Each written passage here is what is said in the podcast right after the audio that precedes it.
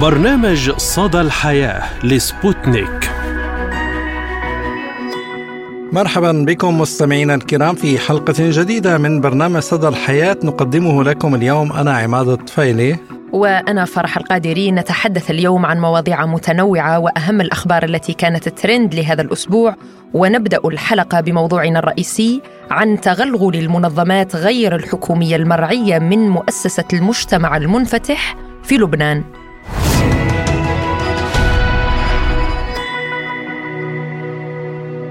جاء في تقرير فرنسي على موقع أوجيم مرصد الصحافة الفرنسي بعنوان ظل سوروس يمتد إلى لبنان. يتحدث عن تغلغل المنظمات غير الحكومية المرعية من مؤسسة المجتمع المنفتح التي تلعب دورا بارزا في ممارسة القوى الناعمة إلى المجتمع اللبناني الذي يعاني من غياب الدولة وتقديماتها بنسبة كبيرة. ما خلق هامشا مهما لهذه المنظمات والجمعيات للعمل ضمنه وبحسب الموقع الفرنسي تأسس المجتمع المنفتح عام 1979 من قبل الملياردير المجري الأمريكي جورج سوروس. وقد وصف بأنه مشروع خيري يهدف إلى تعزيز الحكم الديمقراطي وحقوق الإنسان والإصلاحات الاقتصادية التقدمية بينما هو أحد الأسلحة الرئيسية للقوة الناعمة للمصالح الأمريكية ويهدف إلى تسوية السيادات والخصوصيات الوطنية والمحلية من أجل المنفعة الأكبر للأوليغارشية المالية المعولمة. وأوضح المرصد الفرنسي أن المؤسسة تعمل في جميع أنحاء العالم وهي مؤسسة أخطبوط سياسي اقتصادي حقيقي تمول عددا لا يحصى من الجمعيات ووسائل الإعلام في خدمة مشروعها الليبرالي والعولمي. ولفت التقرير كذلك إلى أنه يبدو أن أحد أهدافها في الوقت الحالي هو لبنان البلد المنغمس في أزمة مؤسسية واقتصادية خطيرة يكافح سكانه لرؤية النتيجة. وأشار الموقع الفرنسي إلى أن الاستراتيجية بسيطة وفعالة للغاية. تقوم بإنشاء مرحلات ترابطية للسخط الشعبي المحروم من الهياكل السياسية وتمول وسائل الإعلام التي يفترض أن تكون المتحدثة باسم الناس وينتهي بها الأمر بمحاصرتها وتوجيهها في اتجاه استراتيجيتها. وخلال الانتفاضة في السابع عشر من تشرين الأول أكتوبر عام 2019 زاد جورج سوروس بشكل كبير من تمويل المنظمات غير الحكومية على الأراضي اللبنانية حيث تم إنفاق مبلغ كبير جدا وقدره ثلاثة مليارات وستمائة وثمانية عشر مليون دولار في غضون أسابيع قليلة وبحسب التقرير تنقسم المبالغ المستثمرة من قبل المؤسسة بين الإعلام 9% والمحاكم 5% وجمعية الدفاع عن حقوق الإنسان 7% والثقافة والفنون 7% التعليم العالي 5% الاقتصاد 17% المساواة ومكافحة جميع أشكال التمييز 17% الصحة 10% الطفولة والحق في التعليم 8% ووصف موقع أوجم مرصد الصحافة الفرنسي بأن التدخل بدأ يصبح أكثر فأكثر وضوحا وهو يبدأ في إثارة قلق خطير لمختلف القادة السياسيين لبلد الأرز من جميع الاتجاهات الذين يخشون من ثورة ملونة جديدة وهو ما يتخصص به سوروس وجماعته.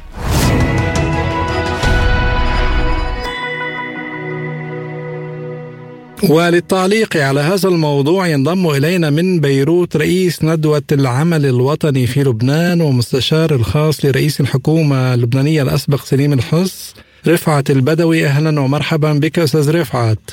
أهلا وسهلا. أهلا وسهلا. أهلا بحضرتك ونبدأ مباشرة بصلب الموضوع. يعني لماذا لبنان بالتحديد البلد العربي يحتل المرتبة الأولى عربيا؟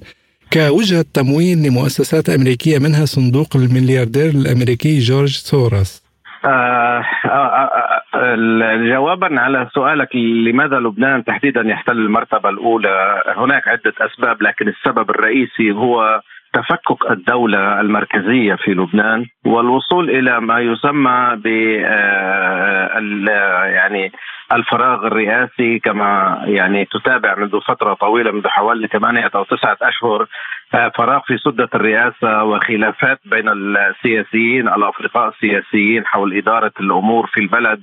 هناك من يعترض وهناك من إلى ما هنالك. في حالة خواء في منظومة الدولة في لبنان وذلك يعني بعد أحداث ما يسمى بال 2019 سميت آنذاك بالثورة الشعبية. لكن تبين فيما بعد بأن هناك سفارات دخلت بشكل مباشر للاستفادة من هذه آه، الانتفاضة الشعبية كما كان يسمونها فتحولت إلى ما يسمى ب آه، آه، جهات تتبع تعليمات من قبل بعض السفارات لتنفيذ أجندات معينة، فإذا السبب هو تحلل الدولة المركزية للأسف يعني وتعطيلها مفاصل الدولة كله معطلة في لبنان. فأوجدت هذه المجموعات آه، فسحة كبيرة آه، ومؤاتية لتنفيذ آه، مشاريعها التي لا تخدم مركزية الدولة بل تخدم مصالح جهات خارجية الهادفة إلى تفتيت المجتمع مجتمعات وتحويله إلى مجتمعات وليس مجتمعا متماسكا مع الدولة آه، آه، وبغياب الدولة أكيد آه، تغذت هذه المجموعات وأيضا أخذت راحتها في في العمل. ولاقت لاقت استجابه استجابه واضحة من شريحة واسعة من اللبنانيين الذين ضخت عليهم بعض الأموال بشروط معينة وقبلوها. وهناك اهتراء اقتصادي في لبنان كما تعلم آه، يعني آه، العديد من اللبنانيين لاقوا بانه المساعدات التي تأتي من قبل تلك الجمعيات ربما تشكل آه، متنفسا لهؤلاء أو للمواطنين. في ظل هذه الأزمة الاقتصادية الحادة التي يعيشها لبنان. فاذا لبنان الدولة العربية الأولى تعتبر بالتراتبية التي افسح المجال لعمل آه، هؤلاء التنظيمات التي تعمل تحت عنوان آه، العمل الاجتماعي نعم يعني أستاذ رفعت برأيك ما الذي يدعو إليه هذا الملياردير الأمريكي؟ يعني ما الذي يريده من خلال هذا التمويل بين قوسين الذي تحت غطاء الجمعيات الخيرية لمنظمات المجتمع المدني في لبنان؟ آه، أشكرك جدا على هذا السؤال لأنه من أهم الأسئلة التي تطرح اليوم آه، في الهدف من وراء تغذية تلك الجمعيات أو آه، انبعاث هذه الجمعيات. آه، للحقيقة بأنه الهدف منه هو تفتيت المجتمعات التي تشكل تهديدا للعدو الإسرائيلي. يعني نقول ذلك بالفم الملآن. هلأ مصر لنأخذ مثالا على ذلك. اليوم ما يجري في لبنان يجري لكن بوتيرة أقل في سوريا تحديدا. هناك منظمات المجتمع الدولي ال NGOs المعروفة بال NGOs هي تتفاعل اليوم مع المجتمع السوري من خلال آه، النازحين أو من خلال الداخل السوري لكن بوتيرة أقل لأن هناك دولة مركزية تراقب وتعمل لاحظنا منذ فترة أيضا أنه آه، في تونس آه، أصدر قرار الرئيس آه، سعيد بوقف كل هذه الجمعيات عن العمل أو ارتباطها مباشرا مع الدولة وأن لا تعمل إلا بموافقة الدولة أو عرض برامجها على الدولة. اذا هناك تفلت في الدولة في لبنان وهناك الحرب الدائرة في سوريا ينتهزون هذه الفرصة لتفتيت المجتمعات العربية وتحويلها إلى مجتمعات فاسدة فاسقة آه كما جرى يوم أمس تحديدا في لبنان لأول مرة في تاريخ لبنان نشهد أن هناك مظاهرة كبرى للمثليين. يعني هؤلاء يقولون لك بأنه إذا كنت أنت تعارض المثليين فأنت ضد الإنسانية وأنت ضد حقوق الإنسان وما إلى شاكل. هذه من ضمن شروطهم. فهذه ليست من ثقافتنا وليست من من عاداتنا. يحاولون فرض آه ثقافات علينا غريبة عنا. نحن في دول الشرق الأوسط يعني نتمتع برباط عائلي ورباط اجتماعي وما إلى شاكل.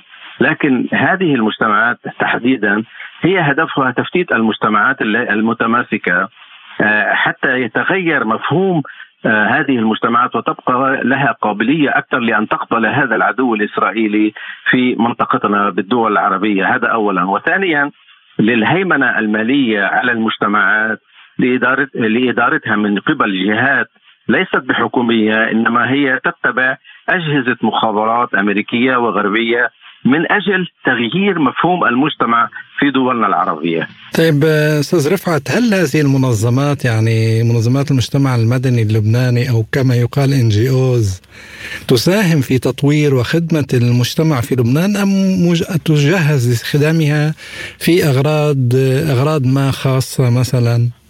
يعني لم نشهد آه، من منذ 2019 لما يعني أخذت مساحتها الواسعه الان جي اوز في لبنان لم نشهد هذا أي تطور في أي محفل أو في أي آه، مرفق للدولة أو أي مرفق للعمل العام أو أي مرفق إلا ضمن ما آه، يتناسب ومفهوم التعليمات الآتية من الخارج يعني يعملون على تغيير المناهج التعليمية يعملون على تغيير المفاهيم الكتب المدرسية في بعض الإرساليات يعملون على آه، إدخال مفاهيم جديدة لدى النشء الجديد الصاعد. آه، تحليل آه، تحلل العائلة عدم ارتباط الشباب مع العائلة. لكل هذا يعني يحاولون يدخلون الشباب في موجة من المفاهيم الجديدة لكن لم نلحظ أي مرفق حيوي في لبنان تطويره أو العمل على إصلاحه أو العمل على آه، مكافحة الفساد فيه أو العمل على تعزيز قدرات ال ال ال هذا المرفق مهما يكن. لكن لاحظنا بانه هناك تعزيز لمفاهيم أو لجمعيات وهناك أكثر من حوالي يمكن 2000 جمعية اليوم آه، آه، في مختلف أنحاء لبنان. تعمل في نفس نفس الاتجاه وفي مناطق معينة. والهدف منها فصل هذه المناطق أو مفاهيم هذه المناطق التي يوجد لديها قابلية بتقبل هذه المفاهيم مفاهيم الان اوز في مقابل جهات أخرى أو مناطق أخرى لا تتقبلها ولا بأي شكل من الأشكال. فهناك يعني آه، انقسام حاد حصل في لبنان حول هذه المفاهيم. ولذلك أصبحنا نرى بأنه هناك مناطق آه، لا تعمل بتوجهات هذه المنظمات أو الجمعيات وهناك مناطق تتقبلها و وتعطيها مساحة كبيرة جدا فاختلفت الثقافات بين منطقة وأخرى وهذا هو الهدف الأساسي من تلك الجمعيات. نعم يعني برأيك أستاذ رفعت لماذا لم لماذا يسمح لبنان لهذه المؤسسات العمل بحرية بالنظر إلى منع مثل هذه المؤسسات في دول أخرى؟ صحيح. آه هذا سؤال أيضا جيد وفي محله.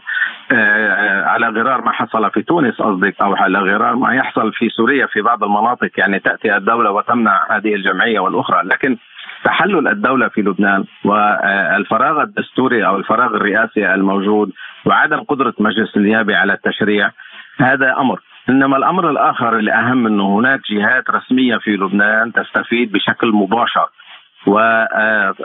وتستعطف أو بالأحرى تستجدي هذه المنظمات لتكون تتعاون معها. وهذه المنظمات تتصل في بعض مع بعض النواب اللبنانيين ومنهم ما يسمى من يسمى بالتغييريين للاستفادة منهم وللاستعطاف منهم أو لمسايرتهم لمسايرة هذه الجمعيات كي يستفيدوا النواب أو المسؤولين بعض المسؤولين من آه هذه الإغراءات المالية التي تأتي دون رقابة مالية ودون أي آه رقابة على حساب فلان ولا على حساب فلان. تأتي مباشرة بشكل مباشر. فلذلك ترى ترى بانه بعض النواب اللبنانيين الذين يشرعون داخل المجلس النيابي يشجع على اتباع آه، يعني تعليمات أو مبادئ هذه الجمعيات لتسير سارية في لبنان. فهناك إفادة يعني من قبل استفادة من قبل بعض المسؤولين. وأيضا كما ذكرت لك بأنه التحلل تحلل الدولة المركزية ساعد كثيرا في هذا المجال. طيب سؤال أخير أستاذ رفعت. يعني يقال إن عدد المنظمات المجتمع المدني في لبنان تقدر بالألاف. يعني ما صحيح. مدى صحة هذا الكلام وما مدى خطورته في الوقت نفسه يعني ما هذا ما ذكرته لك قبل قليل يعني تعد أكثر من 2000 منظمة أو أو جمعية أو إلى مشاكل حتى حتى يعني أعطيك مثل بسيط بأنه مررنا في مرحلة ولم نزل نعاني من وجود آه، أدوية لبعض المرضى في بعض الصيدليات أو المستشفيات. منظمات الان جي اوز دخلت كبديل عن هذه عن عن تنظيم الدولة لاستيراد الأدوية وما إلى شكل. بتلاقي إنه الأدوية موجودة عندهم في مستودعات خاصة فيهم لكن غير موجودة في الصيدليات. وهذا دليل واضح تماما بأنهم يريدون الدخول إلى المجتمع من من الجهة التي تؤلم أو تؤثر على آه، بناء المجتمع أو على المجتمع بذاته. يعني الدخول على حاجيات المجتمع بشكل آه، آه، تحديد محدد لك إنه ما هي الأمور التي يدخلون من من خلالها. يدخلون من باب حاجيات المجتمع للسيطرة على مفاهيم بعض المجتمعات وعلى مفاهيم النشء اللي طالع ولا الإجيال اللي طالعة. لذلك أنا أقول بأنه الأعداد المتزايدة لأنه الباب مفتوح بلبنان وعلى مصراعيه يعني لبنان اليوم مثل ما بتعرف اللي بيتابع أمور لبنان آه، في في فراغ في في في آه، مركزية الدولة آه، هناك مسؤولين يستفيدون من من من تلك الجمعيات نواب يستفيدون من تلك الجمعيات وأيضا شرائح كبيرة من المجتمع مستفيدة من تلك الجمعيات. فلذلك ترى بأن الأعداد بشكل متزايد للتأثير على المجتمع والخوف وأنا أخاف تحديدا آه، بأنه المجتمع اللبناني يتغير مفاهيمه كما يحاولون فرض آه، ما يسمى بالمثليين وغير المثليين بمفهوم المثليين على المجتمع اللبناني. آه، وهذا غريب علينا لإلصاقنا بالغرب أو للقول بأنه الغرب هو يستحدث الحداثة والحضارة والثقافة. فيما الحقيقة لا الحداثة والحضارة والثقافة هي منبعها دولنا العربية. لكن للأسف انه هناك من يحاول أن آه، يضفي علينا أو على المجتمعات تبعنا ثقافة غربية بالقوة ومن خلال الأشياء التي يعني توجع المواطن اللبناني أو آه، بالحالات الضرورية التي يحتاجها. فيمسكون عليه هذه آه، القضايا مثل الدواء وغير الدواء والغذاء وما إلى شكل وحتى إعطاء مساعدات مالية تاثير على هذا النشء والجيل الطالع من أجل تفكيك مجتمعاتنا. نعم يعني أستاذ رفعت البدوي كما أشرت إلى محاولة تمرير أجنداتهم خصوصا في في هذا الموضوع موضوع المثلية الجنسية نشكرك جزيل الشكر رئيس ندوة العمل الوطني في لبنان ومستشار خاص لرئيس الحكومة الأسبق سليم الحس. يعني إذا سمحتي لي بس آه، ملاحظة بسيطة. عندما يقف رئيس دولة كبرى مثل روسيا فلاديمير بوتين ويخصص في خطابه إلى المجتمع أو إلى إلى المجتمع الروسي تحديدا آه، أكثر من نصف ساعة حول ما آه، يحاول الغرب فرضه على المجتمعات المتماسكة يعني الفرض المثلية. يعني قال لهم بالحرف الواحد ربنا خلق الذكر والأنثى هناك أمرين اثنين فقط لا غير. نعم وفي آخر قرار له أنه آه، عقوبة الإعدام في حق الأطباء الذين يقومون بعمليات تغيير الجنس. هذا في آخر صحيح. فلما عندما يقف رئيس دولة كبرى يعني يخصص نصف ساعة تقريبا من خطابه إلى هذا موجه للمجتمع الروسي تحديدا هذا ليس يعني رسالة للمجتمع الروسي رسالة للعالم لكشف نوايا هؤلاء كيف يعملون لضرب المجتمعات المتماسكة فقط لا غير لإبقاء الولايات المتحدة ولإبقاء أوروبا الغرب الإمبريالي هو مسيطر على المجتمعات وعلى المصارف وعلى كل آه، مناحي الحياة وعلى النظام العالمي الجديد آه، النظام العالمي الحالي الأحادي. لكن آه، الأمور إن شاء الله تشي بأنه هناك نظام عالمي جديد متعدد الأقطاب تكون روسيا والصين لهما الدور الأكبر والعودة إلى القيم والأخلاق والمبادئ ستسود والفطرة الطبيعية. نعم أشكرك الأستاذ رفعت البدوي. شكرا كنت معنا من بيروت. شكرا جزيلا شكرا. دكتور رفعت. شكرا شكرا لكم.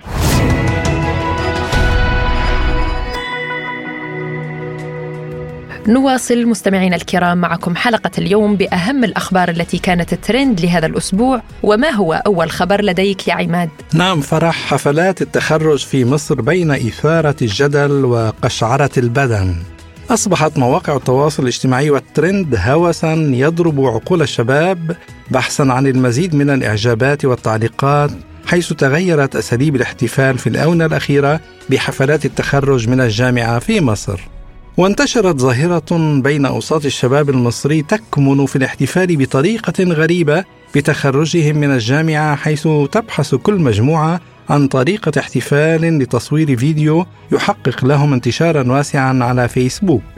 في الأيام الماضية انتشر فيديو عبر مواقع التواصل الاجتماعي ظهرت فيه طالبة أثناء احتفالها بتخرجها فيما أهداها والدها فستانا مصنوعا من النقود تكريما لها ما أثار جدلا وانتقادات كثيرة.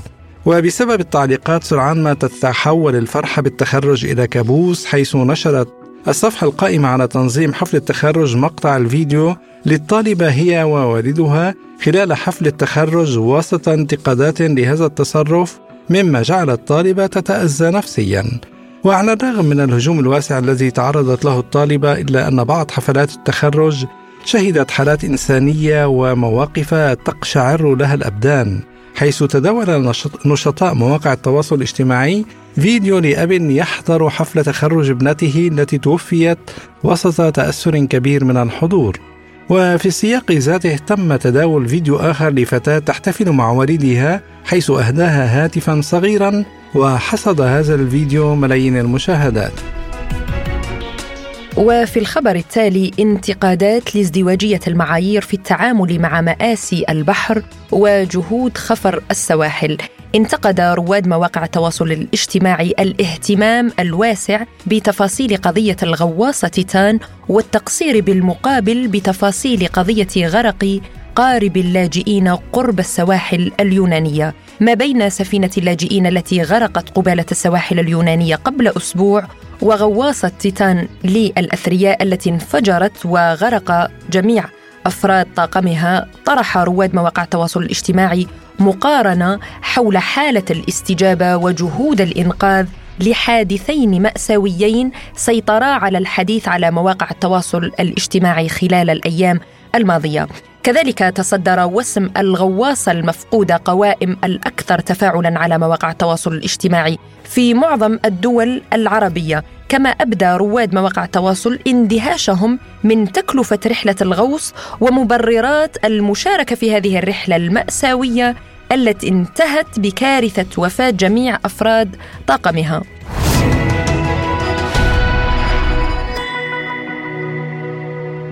تستعد أراضي المملكة العربية السعودية لاستقبال ملايين الحجاج المسلمين الراغبين في أداء فريضة الحج خلال الأيام القادمة.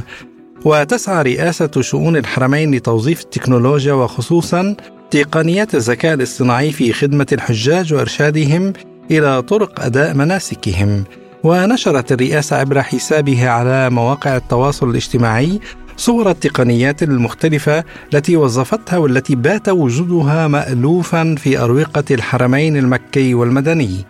واستحدثت وكالة الخدمات والشؤون الميدانية ما أطلقت عليه اسم مكانس التطهير الذكية التي تعمل بشكل يدوي وإلكتروني عن طريق التطبيق الذكي الخاص بها والمزود بتقنية خرائط الذكاء الاصطناعي.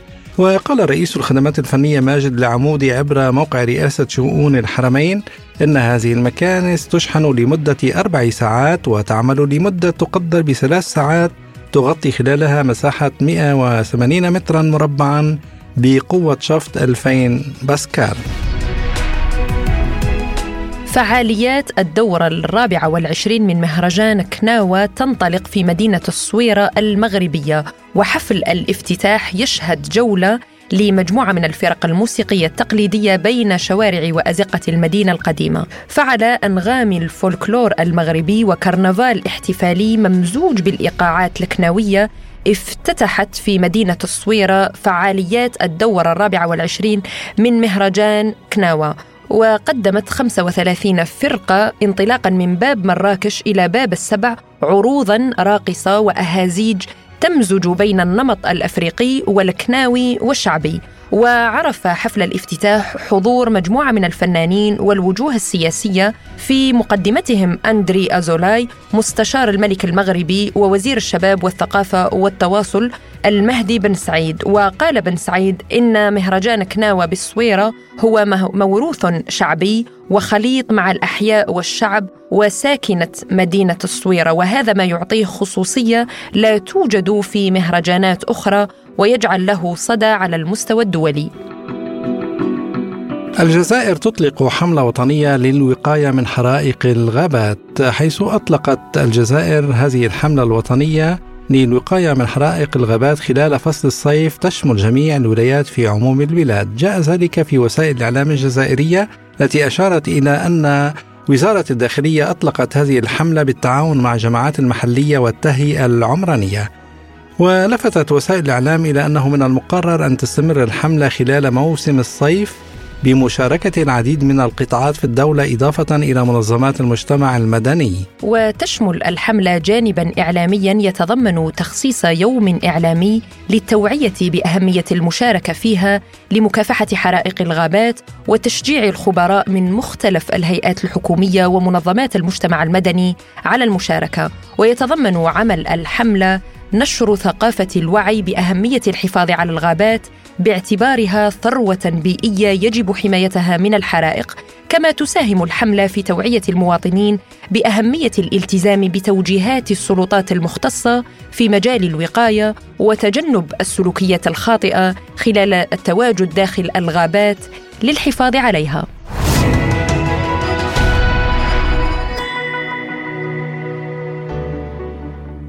وإلى معلومة طبية كما عودناكم في ختام الحلقة طبيبة روسية تحذر من اجتفاف الجسم في الصيف والصداع المرافق له. حذرت الطبيبة الروسية تاتيانا فارابيوفا من اجتفاف الجسم في الصيف والصداع المرافق له. وستساعد مراعاة مستوى السائل الموصى به في الجسم بمعدل 60 70 مليلتر لكل كيلوغرام من الوزن على تجنب الصداع الناتج عن اشتفاف الجسم أي فقدان الجسم لسوائله. أعلنت ذلك الطبيبة تاتيانا فارابيوفا في مقابلة مع وكالة نوفستي الروسية. وقالت غالبا ما يبدأ الصداع بسبب أن الدم يصبح مع نقص السائل أكثر لزوجة ما يعطل عملية دوران الدم في الأوعية الدقيقة. كما أضافت الطبيبة أن الكثير من الناس يعانون مشاكل الصداع في فصل الصيف حيث يكون من السهل التعرض للإصابة بضربة شمس أو ضربة حرارة.